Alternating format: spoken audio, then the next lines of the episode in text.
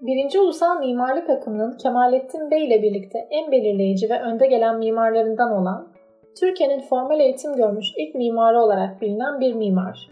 Vedat Tek.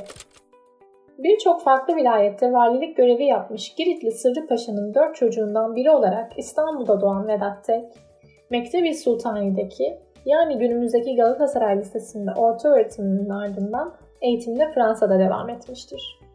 Önce resim ve heykel kurslarını, sonrasında ise mühendislik eğitimini sürdürmüş, Paris Güzel Sanatlar Okulu'nun sınavlarına katılıp 300 kişi arasında 9. olmuş ve mimarlık eğitimine başlamıştır.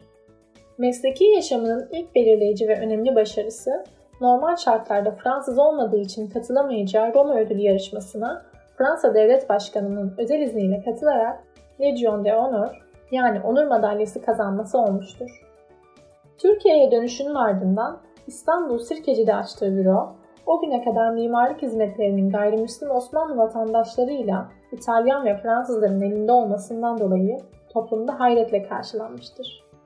Yusuf Razi Demirver bu durumu, ilk defa görülen Mimar Mehmet Vedat'ın ilanı bazılarının merakını, bazılarının tacibini mucip oldu. Türk'ten mimar olur mu diyenler bile bulundu. Fakat halkın içinde kaynayan milliyet hissi o kadar derin, o kadar kuvvetliydi ki bu ilk ve kısa tereddüt devri geçtikten sonra Mimar Vedat'ın idarehanesine müracaatlar başladı. Sözleriyle aktarmıştır. Vedat Bey'in bu girişimi o dönemlerde Türklerin mimarlık mesleğini icrada başarılı olmayacakları algısını kırmak ve yeni bir Türk mimarlığı geliştirmek adına oldukça büyük bir önem taşımaktadır.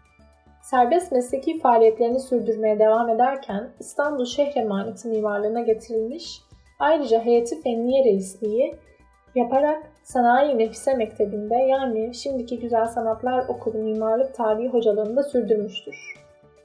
İkinci Abdülhamit'in 25. tahta çıkış yıl dönümü nedeniyle girişilen imar faaliyetleri sırasında üstlendiği rol ve gösterdiği başarı kendisine posta telgraf nezareti mimarlığı yolunu açmış ve bu süre zarfında en bilinen eserlerini vererek mesleğinde en üst noktaya ulaşmıştır. Bu dönemde Sirkeci'deki postane amire, bu binaya bağlı olarak binanın arkasında yer alan Hobyar Mescidi ve Sultanahmet At Meydanı'ndaki Defteri Hakani binalarını tamamlamıştır. Meşrutiyetin ilanı üzerine harap durumdaki Meclis-i Mebusan binasının yenilenmesi görevi de bu dönemde yaptığı çalışmalardan biridir.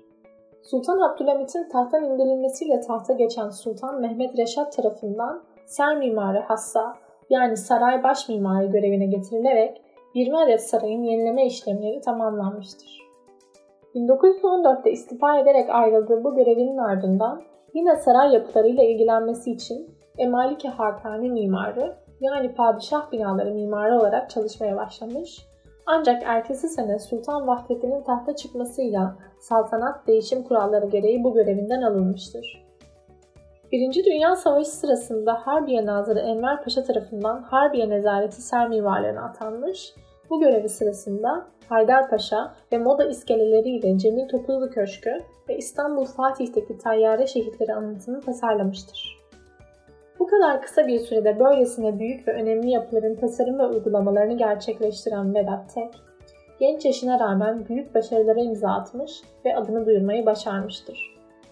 Ailesinin sarayla ilişkisinin kazandırdığı olanakları kişiliği ve başarısı ile iyi değerlendirmiş, adını daha da yükseklere çıkarmayı başarmıştır.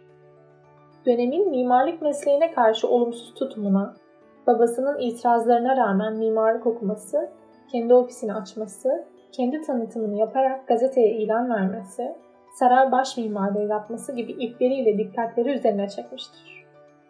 Cumhuriyetin ilanıyla Ankara'ya çağrılan Vedat Tek, Cumhuriyet Halk Fırkası mahfilinin inşaatını ve Gazi Köşkü'nün düzenlenmesi işlerini tamamlamış, Sıhhiye vekaleti için Ankara Palas binasının projelerinin hazırlanması sırasında işin mimarı Kemalettin Bey'e devredilmesiyle tüm resmi görevlerinden ayrılarak İstanbul'a dönmüştür.